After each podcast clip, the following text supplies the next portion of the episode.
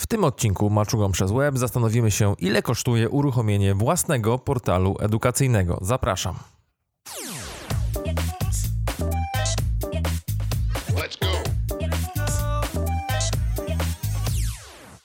Zacznijmy od tego, co tak naprawdę składa się na portal edukacyjny. Jest to sytuacja całkiem podobna do takiej, gdy chcemy uruchomić po prostu stronę internetową. Nawet jeżeli nie macie doświadczenia z portalami czy bardziej rozbudowanymi aplikacjami, możecie sobie wyobrazić pewne składowe każdej strony internetowej. Co pierwsze Wam przychodzi do głowy? Pewnie domena, czyli adres URL, pod którym zarejestrowana jest strona. Druga sprawa to hosting, czyli miejsce, gdzie będą składowane pliki naszego portalu, pliki naszej strony, czyli tak naprawdę serwer. No i trzecia sprawa to oprogramowanie, czyli no, to, co składa się na te pliki. Wszystkie te elementy, wszystkie te mm, moduły, wszystko to, co sprawia, że strona internetowa jest stroną internetową i pełni na przykład rolę portalu edukacyjnego, tak jak w naszym przypadku. No więc trzy elementy, rozważmy je teraz po kolei. Domena. Niby prosta sprawa, ponieważ bardzo wielu dostawców hostingu, czyli tych serwerów, o których mówiłem przed chwilą, oferuje również możliwość zarejestrowania adresu indywidualnego dla naszych y, usług, adresu www, adresu z końcówką .pl, com, com.pl, eu i tak dalej. I zazwyczaj widzimy takie reklamy w sieci pod tytułem domena za 0 zł, domena za złotówkę i tak dalej, i tak dalej. I rzeczywiście, najczęściej jest tak, że w pierwszym roku rejestracji domeny możemy uzyskać ją właśnie z taką super zniżką rzędu nawet 0 zł za pierwszy rok a w kolejnych latach jej użytkowania jest to od kilkudziesięciu złotych do około 100, czasami więcej, jeżeli są to jakieś nietypowe domeny. Natomiast jeżeli poruszamy się w najbardziej popularnym dla nas kręgu domen .pl lub .com, to możemy przyjąć, że o ile w pierwszym roku zapłacimy kilka lub kilkanaście złotych, tak w każdym kolejnym możemy przyjąć mniej więcej netto około 100 złotych za rok. Oczywiście biorę tutaj pod uwagę tylko i wyłącznie te adresy, które w danym momencie są wolne w puli, to znaczy wpisujemy je w wyszukiwarkę, okazuje się, że nie są przez nikogo zarejestrowane, nie są użytkowane i w ten sposób możemy po prostu je sobie zarejestrować przez danego operatora. Jeżeli chcielibyśmy wykorzystać już adres przez kogoś używany, no to sytuacja się troszkę zmienia, bo tak naprawdę musielibyśmy spróbować ten adres od niego odkupić. Tutaj może słyszeliście jakieś niesamowicie niewiarygodne historie o tym, jak ludzie skupowali setki domen, a później handlowali nimi z przebiciem kilkuset y, procentowym. Natomiast prawda jest taka, że jest w tym dużo mitologii i jest w tym też trochę prawdy. Po pierwsze, należy się zastanowić, nawet jak macie budżet na początek, czy warto komuś płacić kilka tysięcy za jakąś fajną domenę. Czasem tak, czasem nie, to zależy. Jeżeli jakaś domena trafia idealnie w wasz gust, jest bardzo mm, idealnie oddająca wasze potrzeby, to można to rozważyć, ale warto moim zdaniem zapytać kogoś bardziej doświadczonego w świecie internetu czy takich usług internetowych, czy taki wydatek na początek ma sens. Druga sprawa jest taka, że zazwyczaj te ceny, które podają mm, osoby handlujące domenami, to są ceny, z których możecie spokojnie urwać nawet połowę. Jeżeli ktoś ma w portfelu na przykład 100 czy 200 domen i to się wydaje taki pasywny biznes, wystawiam domeny na sprzedaż, dzięki swojej kreatywności wymyślam te, które są nie, y, nieużywane, jeszcze kupuję je za złotówkę, a później wystawiam na sprzedaż. Wszystko jest fajnie, tylko po pierwszym roku płacę już kilkanaście czy kilkadziesiąt złotych za każdą domenę, nawet jeżeli mam ich kilkaset, to biorąc pod uwagę zniżki, które mogę dostać, to i tak utrzymuję z roku na rok bazę kilkuset domen, które generują naprawdę grube tysiące złotych kosztów. Jeżeli więc traficie na takiego mm, handlarza domen czy firmę, która się tym zajmuje, już usłyszycie cenę na przykład 4000 zł za daną domenę, to spokojnie możecie spróbować zbić tą cenę do 2000, nawet mniej, ponieważ w bardzo, bardzo wielu przypadkach ta cena po prostu jest wyssana z palca, a osobie, która sprzedaje, będzie zależało na tym, żeby pozbyć się kosztu i wreszcie coś na domenie zarobić. Nie mówię, że tak będzie zawsze. Są takie domeny, które są bardzo wartościowe, na przykład krótkie, bardzo chwytliwe słowa. Niemniej jednak nie przywiązujcie się do tego, co mówi wam handlowiec, ponieważ naprawdę można na tym troszkę urwać. Niemniej jednak zakładam, że w tych pierwszych działaniach po prostu postawimy na adres www, który będzie można dostać bezpośrednio u rejestratora, bez dodatkowych opłat tak jak mówiłem wcześniej, za 0 zł w pierwszym roku i za kilkanaście, kilkadziesiąt złotych w roku kolejnym, lub po prostu, że wykorzystacie już posiadaną domenę, na przykład adres swojego bloga, bo wiele osób ma domeny i na przykład w jakichś dodatkowych usługach pocztowych są gdzieś dodawane, ale zazwyczaj nawet nie kojarzy tego faktu, że mogłoby tą posiadaną, posiadaną domenę wykorzystać na przykład przy uruchomieniu portalu. Warto to przemyśleć, bo można troszkę na początek zaoszczędzić. No i hosting, czyli te serwery, na których się, znajduje się nasze oprogramowanie, które będzie portalem edukacyjnym. Tutaj tak naprawdę narosło wiele mitów. Z jednej strony mamy różnego rodzaju wirtualne usługi, nawet takie najprostsze, bo też spotykamy się z reklamami bardzo często, typu y, hosting dla blogerów za 49 zł rocznie. W postaci oczywiście wirtualnego serwera, gdzieś tam u jakiegoś operatora w kraju czy za granicą, wydaje się idealnym rozwiązaniem. Z drugiej strony możecie zastanawiać się, czemu jakieś większe firmy czy też portale wydają tysiące złotych w każdym miesiącu na utrzymanie serwerów, skoro mogliby korzystać z takich wirtualnych. Jak sobie pewnie możecie zdać sprawę, jest to kwestia wykorzystania tej usługi i pewnego obciążenia. Serwery wirtualne czy hosting wirtualny polega na tym, że współdzielimy z większą liczbą osób dane serwery, czyli dane komputery serwerowe w, jakieś tam, w jakimś tam centrum serwerowym. Czyli mamy do naszych y, zastosowań wydzieloną jakąś Mm, jakąś grupę usług o określonych parametrach. Często jest tak, że na tych najtańszych wirtualnych serwerach możemy uruchomić tylko jedną stronę www, możemy uruchomić tylko jedną bazę danych do tej strony www y, i generalnie mamy pewne ograniczenia dotyczące na przykład zapytań do bazy danych. O co chodzi? Chodzi o to, że jeżeli uruchomia, uruchamiacie blog, to Szczerze powiedziawszy, prawdopodobnie przez pierwsze kilka lat w zupełności taki wirtualny hosting wystarczy, może wystarczy nawet zawsze, może wystarczy nawet ten najprostszy, ponieważ ekstremalnie rzadko się zdarza, żeby na blogu w jednym czasie logowało się więcej niż kilkanaście osób.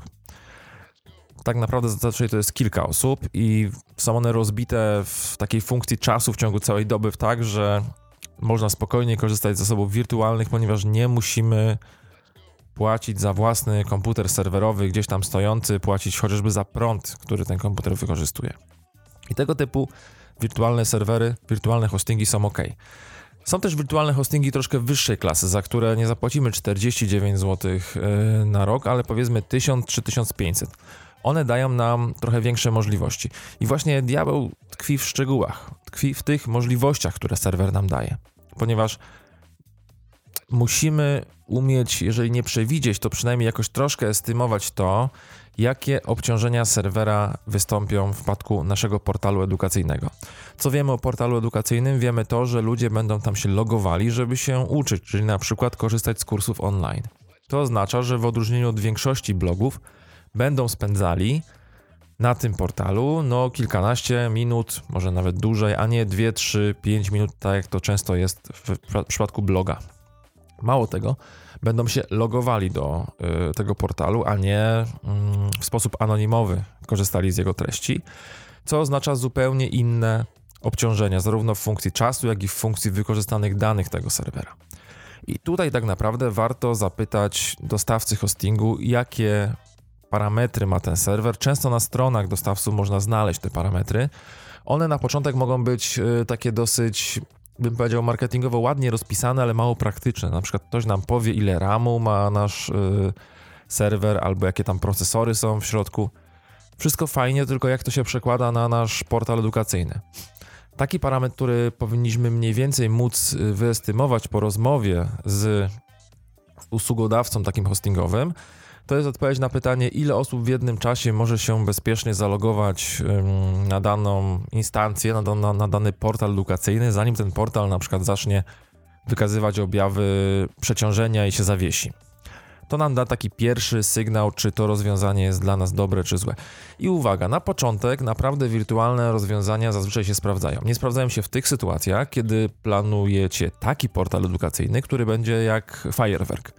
To znaczy, skupiacie całą akcję tego portalu na przykład na jednym kursie i macie przygotowaną pewną pulę środków na marketing, który po prostu wybuchnie naraz. Wtedy spodziewacie się, że będziecie mieli dziesiątki, może setki klientów każdego dnia. I to jest takie trochę wąskie gardło. To samo wąskie gardło mamy troszkę w różnego rodzaju hostingo, hostingach e, dla uczelni wyższych czy dla urzędów, które, nie wiem, zbierają raz w roku czy dwa razy w roku różnego rodzaju wnioski. W wypadku uczelni to mogą być na przykład e, systemy zapisywania się na zajęcia lub systemy stypendialne, gdzie generalnie przez 99% czasu w roku te serwery naprawdę są wykorzystywane w drobnym ułamku, ale w te w ten jeden tydzień w roku, czy dwa tygodnie w roku, nagle wszyscy muszą się naraz tam zalogować i złożyć jakiś wniosek. I wtedy po prostu nie ma siły, te serwery padają. I tutaj mogłoby się zdarzyć tak, że faktycznie braknie nam tego, y, tych, tych parametrów, ale zakładam, że jeżeli jesteś w stanie wydać, nie wiem, kilkanaście tysięcy na marketing, to jesteś też w stanie wydać kilkaset złotych na e, konsultacje z kimś, kto zna się na hostingach, na serwerach i jest w stanie obliczyć dla ciebie, jakie obciążenie danego e, hostingu będzie dla ciebie odpowiednie. Przy czym uważaj tak naprawdę na osoby, które handlują tego typu rozwiązaniami, bo są ci w stanie tak naprawdę na początek sprzedać Mercedesa w najdroższej opcji, nawet jeżeli w pierwszym roku działalności możliwe, że potrzebujesz po prostu przyzwoity, przyzwoity wirtualny hosting bez spinania się na coś bardziej złożonego, bo po prostu, po prostu tego nie wykorzystasz. Taki dodatek do tej części to informacja o tym, że jest coś takiego jak transfer. Czyli e, jeżeli wchodzimy na daną stronę internetową, to ta strona internetowa wyświetla nam jakieś teksty, też jakieś multimedia i często oczywiście jakieś uruchamia aplikacje w tle, czy jakieś aplety innego typu rzeczy. I zazwyczaj no, tekst jest tak naprawdę kwestią znaków alfanumerycznych. Ale współczesne strony to przede wszystkim w dużej mierze multimedia. I te multimedia, biorąc pod uwagę pojemność, ważą zdecydowanie najwięcej dobrej jakości zdjęcie to jest y, już no, tak naprawdę wiele, wiele, wiele stron zapisanych tekstem, gdyby chcieć to wyważyć. Więc zwykłe wyświetlenie zdjęcia, już nie mówię o wyświetleniu filmu, czy uruchomieniu jakiejś aplikacji w tle, co do której nawet możemy nie mieć świadomości, że ona tam jest, ale pełni jakąś ważną rolę, to jest transfer, czyli ilość danych, które zużywamy. Serwery mają swoje ograniczenia transferu, o tym musimy pamiętać, ale co jest bardzo ważne, postarajmy się na początek zaplanować, aby hosting tych mm, najtrudniejszych plików z punktu widzenia transferu odbywał się w miejscu bardziej optymalnym. Czyli na przykład pliki wideo, bo one się głównie składają na kursy yy, online obecnie. Nie trzymajmy bezpośrednio na portalu edukacyjnym, w sensie w zasobach tego serwera. Znajdźmy dla nich miejsce, które jest bardziej optymalne do wyświetlania wideo i w którym na przykład nie będziemy płacili za przekroczenie transferu albo będziemy płacili jakieś bardzo niewielkie pieniądze. To są różnego rodzaju hostingi wideo typu Vimeo na przykład. Oczywiście tych rozwiązań może być bardzo wiele, trzeba je odpowiednio dobrać i zabezpieczyć, żeby nasze pliki nagle nie znalazły się na przykład na publicznym YouTubie. Natomiast jest to zdecydowanie mądrzejsze rozwiązanie niż trzymać wszystkie pliki razem bezpośrednio w katalogu na serwerze i później dziwić się, że te wielkie y, gigabajty czy terabajty danych, które mieliśmy zapewnione w transferze, pomnożone przez 100, 200, 300, 1000 użytkowników, tak naprawdę topnieją w kilka minut i zamiast kilka złotych miesięcznie za serwer musimy płacić kilkaset albo kilka tysięcy. Kolejna kwestia to oprogramowanie, czyli wszystko to, co składa się na działanie strony internetowej. Tutaj najczęściej wybieraną taką bazą do postawienia własnego portalu, w ogóle nie tylko edukacyjnego, ale bloga, czy w ogóle jakiejkolwiek strony, obecnie jest WordPress. I tutaj mamy taką, takie przekonanie, że WordPress jest za darmo, bo rzeczywiście samo uruchomienie WordPressa, czy zasoby tych plików, które się na WordPressa składają, tego CMS-a, są dostępne bezpłatnie zarówno do zastosowań komercyjnych, jak i niekomercyjnych. Tutaj uwaga, bo jak ktoś robi to pierwszy raz i chce się zmierzyć z tematem, to znajdzie na pewno stronę WordPress.com, która oferuje komercyjne, płatne uruchamianie e, WordPressa, ale jest też WordPress.org, to jest dokładnie, znaczy w sensie to jest bardzo podobny e, e, CMS, to jest de facto nawet można powiedzieć, że ten sam CMS, tylko dostępny właśnie zupełnie bezpłatnie. I oczywiście wybieramy tę drugą opcję zawsze, ale to tak mówię tylko tym, którzy jeszcze z tym nie mieli do czynienia mogą się zdziwić, że wszyscy mówią, że WordPress jest za darmo, a wcale nie jest, bo rzeczywiście ta opcja płatna w wyszukiwarce Google jest dosyć wysoko yy, wyświetlana i można się zdziwić klikając. No ale dobra, niby za darmo, ale trzeba mieć trochę doświadczenia w tym, żeby po raz pierwszy go dobrze uruchomić. I o ile powiedzmy, że postawienie bloga wiąże się z pewnymi niuansami, które można opanować metodą prób i błędów, tak z LMS-ami tych niuansów jest znacznie więcej, ponieważ oprócz WordPressa potrzebujemy wreszcie jakąś wtyczkę, która będzie robiła z tej platformy, jakby nie patrzeć do blogu, platformę do edukacji. Przykładem wtyczki jest na przykład LearnDash i tutaj to już jest wydatek w tej chwili około 159 dolarów w niekończącej się praktycznie nigdy promocji zniżkowej. Normalnie LearnDash twierdzi, że wtyczka na jeden portal kosztuje 199 dolarów. Zazwyczaj są pouruchamiane właśnie promocje, które pozwalają tę kwotę obniżyć o 30-40%. Nie zmienia to faktu, że musimy tutaj liczyć się z wydatkiem co najmniej kilkuset złotych, żeby y, tę, tę wtyczkę uruchomić.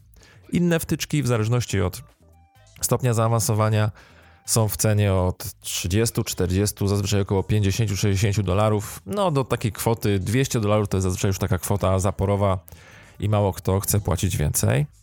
Więc takie wydatki trzeba zaplanować. I wreszcie dodatki do wtyczek. Nawet wspomniany LearnDash, o którym mówiłem, mimo że z bardzo profesjonalną wtyczką i bardzo fajnie zrobioną, na pierwszy rzut oka jest po prostu strasznie brzydka. Trzeba dokupić parę rzeczy, żeby dodać jej nie tylko nowych e, funkcji i ulepszyć funkcjonalność, ale też żeby wyglądała jako tako współcześnie. No i z tych 200 e, dolarów robi się kolejne 200, które trzeba wydać na uruchomienie wtyczki LMS i właściwe jej skonfigurowanie. Inna sprawa to pamiętajmy, że portal edukacyjny w zasadzie, jeżeli dobrze rozumiem intencje tych, którzy go tworzą, to nie tylko nauka, ale także sprzedaż tego, co chcemy uczyć. Czyli oprócz y, całego tego LMS-owego zaplecza mamy też cały e-commerce, czyli dodatkowe wtyczki, na przykład WooCommerce dla WordPressa, które obsługują tak naprawdę sklep internetowy. Bardzo nietypowy sklep internetowy, bo sklep internetowy sprzedający rzeczy wirtualne.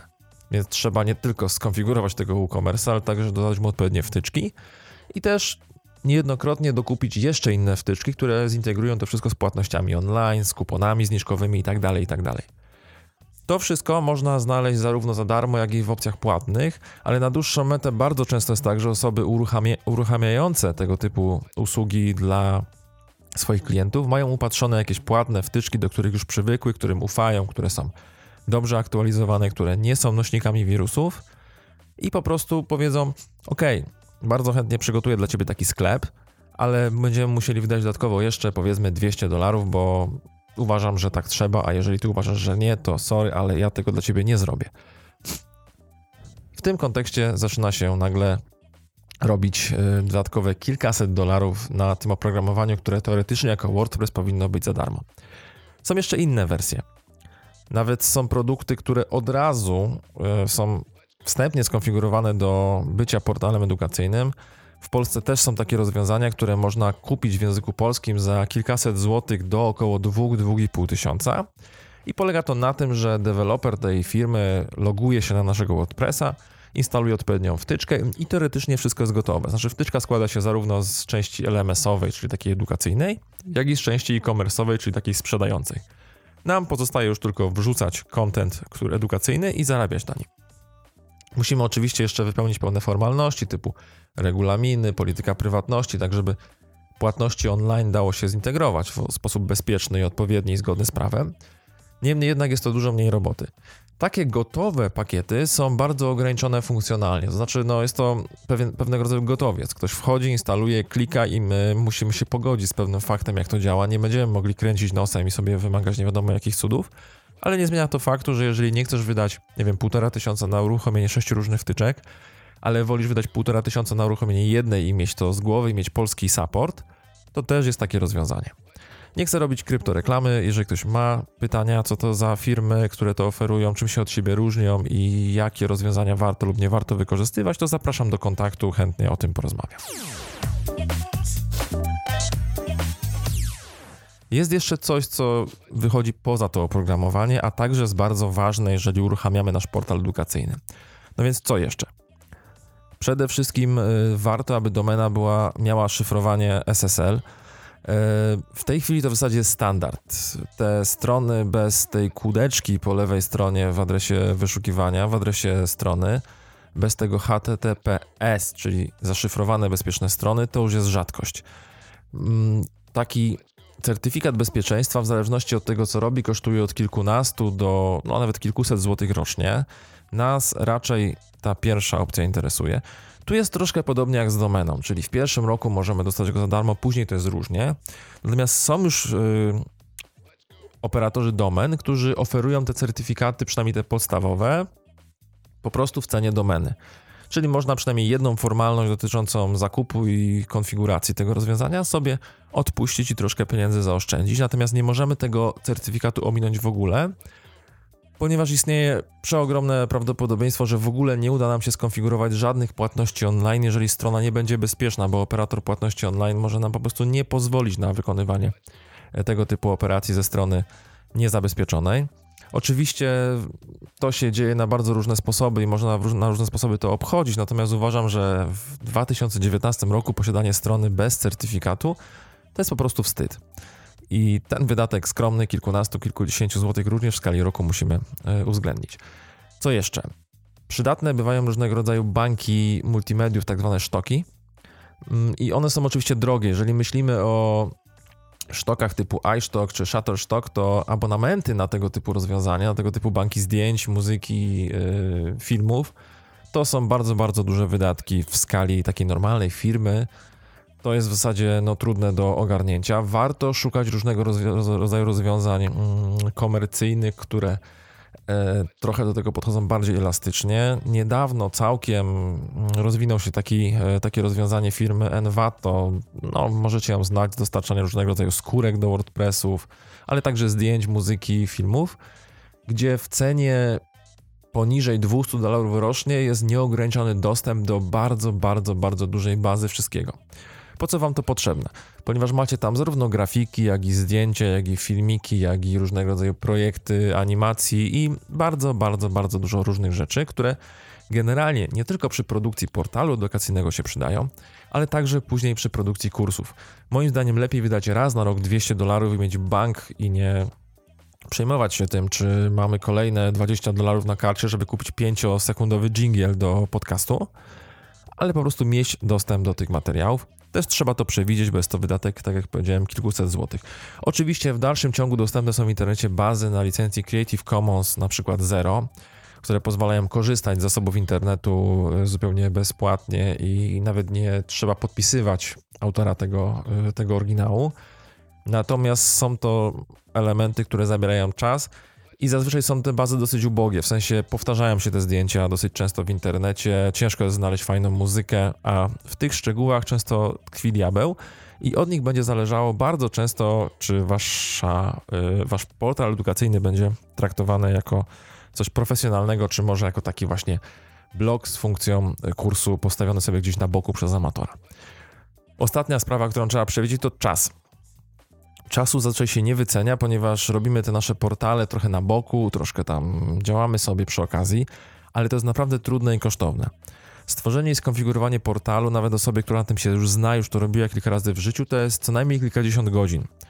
My często tego nie doceniamy, ponieważ wydaje nam się tak z perspektywy czasu, że no to się w jeden wieczór się postawi WordPressa, w drugi się skonfiguruje wtyczkę LMS, w trzeci się tam dopnie koszyki i te różne płatności, e-commerce i będzie. Otóż nie będzie, bo tak naprawdę cała ta dłubanina związana z zestawianiem takiego portalu, te wszystkie docinanie zdjęć, pewne poprawki, poprawki w tekstach, szukanie jakichś błędów w kodzie, tłumaczenia na język polski z języka oryginalnego, irytowanie się, że pewne elementy nie działają tak, jak miały działać, to wszystko zabiera naprawdę, naprawdę grube godziny. Mnie się nieraz zdarzało, że stawiałem gotową, gotowy portal w 6-7 godzin, po czym kolejne 6-7 godzin spędzałem na poszukiwaniu jakiegoś, jakichś dwóch błędów irytujących, drobnych, ale tak naprawdę wydłużałem czas uruchamiania tego systemu. I nawet jeżeli to jest wasz czas, nawet jeżeli robicie to dla siebie, jeżeli, jeżeli robicie to hobbystycznie i sami sobie nie płacicie, licząc na przyszłe zyski, no to w dalszym ciągu ten czas trzeba przewidzieć. Naprawdę polecam sobie założyć, że takie 40 godzin to jest takie minimum na początek, które trzeba wyłożyć na porządne dopieszczenie takiego portalu, nawet prostego. Polecam takie rozwiązania tym, którzy mają już jakieś doświadczenia w pracy na WordPressie. Jeżeli nie macie doświadczeń, jeżeli chcielibyście postawić swój pierwszy portal, to naprawdę lepiej jest komuś zapłacić, żeby te kroki za Was wykonał lub poszukać jakiegoś innego rozwiązania. bo no, będzie to droga przez mękę. Warto się zastanowić, czy przy tym pierwszym portalu to istotne jest dla Was postawienie portalu, czy może po prostu uruchomienie kursów i zarabianie na nich. Oczywiście warto przy tej okazji nauczyć się stawiać takie portale. Mówimy sobie, ok, doświadczenie nam się zawsze przyda. Natomiast to są pierwsze doświadczenia i często są nieudane. Znaczy, często te pierwsze 50 godzin będzie przepalone na popełnianie bardzo podstawowych błędów, przez co tak naprawdę czas mm, uruchomienia kursu wydłuży się. Chcemy to zrobić za dwa tygodnie, mamy gotowe materiały, tak naprawdę robienie portalu ślimaczy nam się przez kolejne trzy miesiące. To trzeba rozważyć. Podsumujmy zatem. W sumie na start naszego portalu edukacyjnego potrzebujemy mniej więcej no 1000 zł. To jest takie myślę, że rozsądne minimum, które trzeba sobie zabezpieczyć. Nawet jeżeli ta domena jest bezpłatna, nawet jeżeli hosting znajdziemy tani albo bardzo tani, nawet jeżeli oprogramowanie jest bezpłatne i skorzystamy z bardzo tanich wtyczek, to warto ten 1000 mieć na koncie i tyle sobie w projekcie założyć. To jest totalne minimum oczywiście, no bo jeżeli pójdziecie do kogoś, kto zawodowo zajmuje się stawianiem stron internetowych, no to raczej ta kwota nie wystarczy na rozmowę z tym człowiekiem. Ale tutaj zakładam, że to akurat w tym wypadku wy poświęcacie swój czas, uczycie się tego i swoją stronę, swój portal edukacyjny uruchamiacie sami. W kolejnych latach, no, trzeba mieć co najmniej drugie tyle, żeby taki portal utrzymać. Będzie się to wiązało z tym, że jeżeli te kursy odniosą, odniosą sukces, będą tam zarejestrowane tysiące osób, no to wystąpią większe obciążenia w serwerze i pewnie będzie trzeba się przenieść na jakieś bardziej wydajne serwery, można nawet postawić własne serwery. Natomiast pamiętajmy, że to wtedy to wszystko wiąże się już z tym, że mamy te tysiące klientów. Te tysiące klientów nam płaci albo już zapłaciło. Co oznacza, że stać nas na taki hosting, jaki chcemy.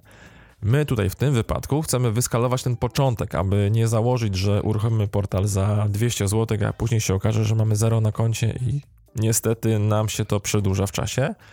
Ale też, żebyśmy nie zakładali na początek, że potrzebujemy 10 czy 15 tysięcy, ponieważ ktoś nam tak powiedział, że tyle będzie to wszystko kosztowało, a niekoniecznie to musi być prawda. Reasumując, uruchomienie takiego własnego portalu to minimum 1000 zł na początek, jeżeli chcecie zrobić to sami.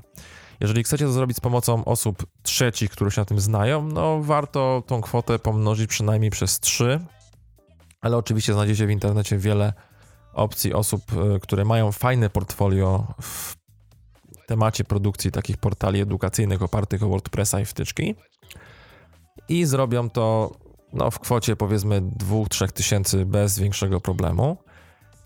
Mało tego, możecie od razu taką kwotę wydać na gotowy zestaw wtyczek, w którą dedykowana firma zainstaluje na waszej instancji WordPressa i uruchomi wszystko dla was. Po waszej stronie będzie tylko dopięcie formalności, nie wiem, zarejestrowanie działalności, czy też spięcie jej z płatnościami online, tak jakby, żeby z punktu widzenia finansowo-fiskalnego być e, fair wobec wszystkich. To tyle w tym odcinku Maczugą przez Web. Bardzo się cieszę, że wysłuchaliście mnie aż do tego momentu. I cóż, słyszymy się w kolejnych odcinkach.